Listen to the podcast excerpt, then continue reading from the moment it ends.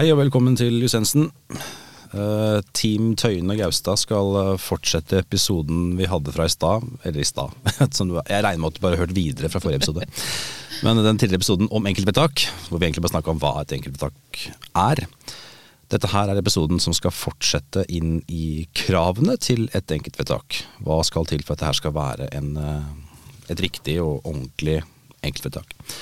De rettslige rammene finner vi i forvaltningsloven, og det er primært kapittel fem som setter de rammene på innholdet til et uh, enkeltvedtak, og så er det ytterligere krav vi kommer til i løpet av episoden.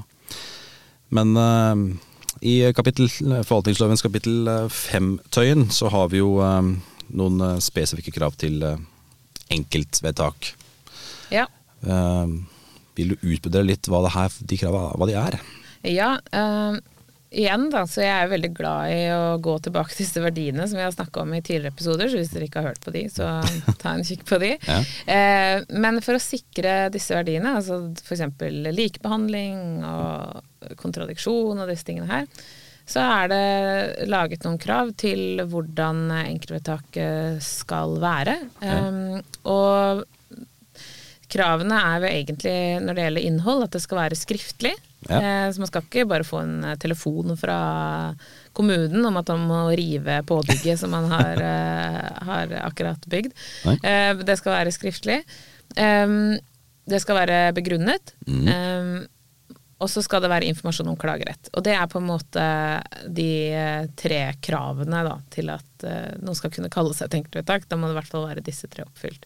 Ja. Og så I tillegg til det så er det jo masse krav til saksbehandlingen. Eh, ja. Som f.eks. Eh, dette med retten til innsyn i egen sak, at man har rett til å uttale seg, hvor lang tid det kan ta å gjøre et vedtak. Eh, I noen tilfeller har man rett på forhåndsvarsel hva man skal gjøre hvis det tar lengre tid. Altså masse sånne ting. alt dette finner man jo i forvaltningsloven, da. Ja. Men det er mer sånn krav til saksbehandlingen, og ikke selve vedtaket. Um, så ja. Så til selve vedtaket så er det egentlig dette med skriftlig begrunnet og informasjon om klagerett, som man alltid da skal huske på, da. Ja. Uh, interessant er så med den uh, begrunnelsesbiten, for det, når du hører en begrunnelse, så er jo det det kan jo vurderes forskjellig. Hva er en begrunnelse? Hva skal være i den begrunnelsen? Hvor lang skal den være? Hvor omfattende skal den være? Uh, dette her, er det, noen, er det noen rammer på hva legger man i en OK begrunnelse?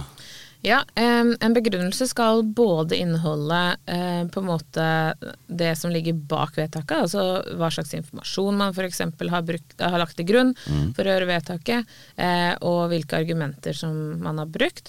Og så skal det inneholde informasjon om hvilken eh, hjemmelsgrunnlag, da, altså hvilken lov man har brukt for å kunne gjøre dette vedtaket. Ja. og det skal både da opplyse om hvor man finner den loven, altså en henvisning til loven, mm. men det skal også si noe om hvordan man har forstått innholdet i loven. Ja. Så det holder ikke å si sånn jf. paragraf ditt og datt har vi gjort dette vedtaket. Man må faktisk forklare eh, hva slags vurdering man har gjort opp mot eh, lovhjemmelen, og så må man være tydelig på hva slags eh, informasjon man har lagt til grunn. Da. Ja. I fuskevedtak f.eks. så betyr det at man eh, ofte legger ved studentens forklaring, eh, og så skriver man noe om hvordan man har forstått den forklaringen, mm. hvordan man stiller seg til den forklaringen, eh, og så vurderer man den da opp mot lovkravene. Og det er jo kanskje sånn, skal man si kanskje sånn det mest hva skal si, perfekte eksempelet da, på hvordan det ofte gjøres. ikke sant? Fordi ja. De fleste vedtak er ikke så inngripende som en fuskevedtak. Eh, og noen ganger er det jo helt åpenbare. For eksempel gjør vi veldig mange vedtak om ikke innlevert arbeidskrav. Mm. Eh, og da er jo egentlig bare du har ikke innlevert arbeidskrav. Det er hele begrunnelsen. Ja, ja. eh, på en måte. Men eh, det skal stå da, ikke sant. Og så kan det jo være at du har levert det arbeidskravet, da, men at det har blitt borte eller det har skjedd et eller annet. Så er det greit at du vet faktisk hvilket arbeidskrav det gjelder, og, mm. og så videre. Så den begrunnelsen er kjempeviktig, fordi den sikrer din muligheten til å vite at vedtaket er riktig. Ja. Og i de aller fleste tilfeller så ser jeg det at jo bedre begrunnelse, jo færre klager. Det er sant. For eh, har man en god begrunnelse, så er det mye lettere å på en måte eh, finne seg i vedtaket, da. Hvis du får et vedtak og ikke skjønner hvorfor det har kommet, så er det klart at det er veldig vanskelig å forholde seg til. ja, det er jo det. Ja. Så det er jo egentlig ja, du, du, hjelper deg egentlig bare sjøl som forvaltning ved å gi gode begrunnelser. Rett og slett at du Ja. har en god forklaring på hvorfor du har endt opp der du har endt opp. Ja, absolutt. Jeg tror det. Eh, På BI så har vi gjort en jobb de siste årene da, med, med opptak, hvor vi har sentralisert opptaket vårt eh, på ett sted.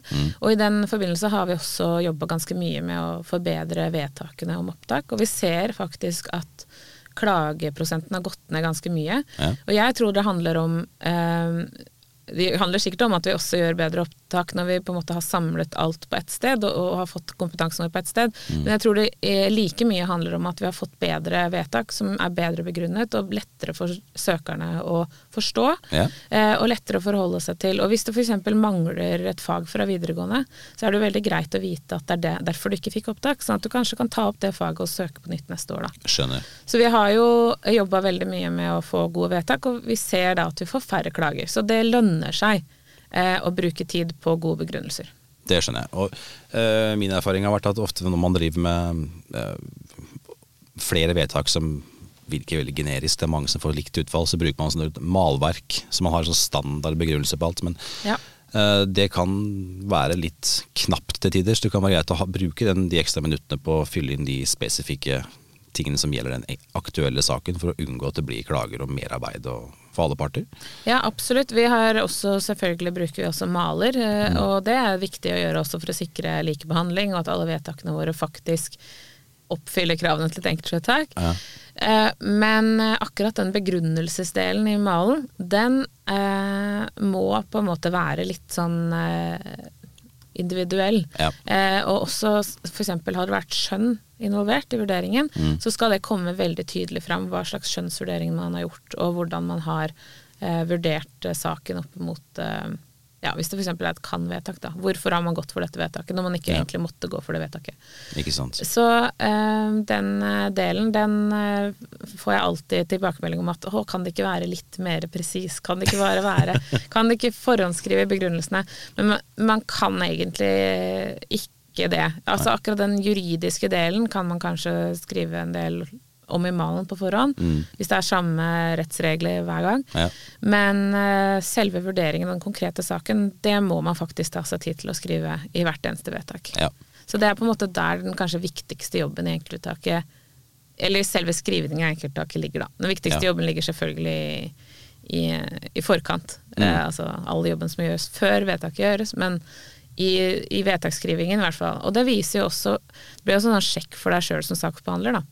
Eh, fordi at hvis du ikke klarer å skrive en god begrunnelse, så har du antagelig ikke eh, gjort nok, ikke sant. Nei, det er akkurat det. Mm, Du må virkelig kunne tydeliggjøre godt hvorfor du har endt opp der du har gjort. nettopp. Eh, og det er også en fordel til også um, med tanke på de som skal eventuelt etterprøve vedtaket, hvis det skal klages opp til en klageinstans. Hvis du har en uh, halvhjerta begrunnelse, så er det veldig vanskelig for dem å vite hva er det man egentlig har tenkt på her. Ja. Eh, så jo en god begrunnelse kan også gjøre at du kanskje får medhold i klageinstansen hvis det, hvis det blir påklaga ditt, da, eventuelt. Ja, eller i hvert fall gir det klageinstansen mye mer eh, forståelse av hvorfor du har gjort vedtaket ditt. Eh, og, og det gjør også din egen jobb lettere. Ja. Eh, men ja, når du skal eventuelt sende den til klageinstansen. ja. Så, men det skal vi vel snakke litt om, kanskje? Det skal vi. Vi har en egen episode om uh, klageinstansen. Så det er uh, å klage generelt sett. Den uh, er det neste i rekka. Men hvis jeg skal summere opp kort her, sånn, så er det da de største kravene til, eller sentrale kravene til enkeltvedtak. Skriftlighet, så klart. En begrunnelse som er detaljert og individuelt rett, retta mot den det gjelder, faktisk. Legge vekt på de rettshjemlene som er, er brukt. Og man skal også ha informasjon om klagerettigheter. Så Ja. det følger med en sånn sett med generelle rettigheter og forpliktelser for forvaltningen og de som er berørt. da. Ja. Og der er jo det forvaltningsrådet faktisk ganske spesifikk på akkurat hvordan man skal informere. Ja. Så der eh, er det ganske konkrete krav til hvordan man skal informere om klageretten. Veldig, veldig fint.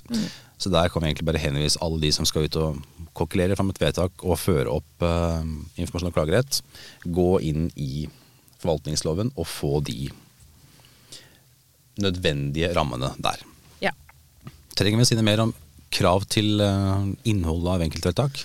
Nei, da tror jeg vi har eh, dekket det meste. Ja. ja, men så flott. Da skal vi ta steget videre i neste episode angående klage, men da regner jeg med at vi Du høres sikkert på hele veien ut, så da høres vi i neste episode. Hei, hei.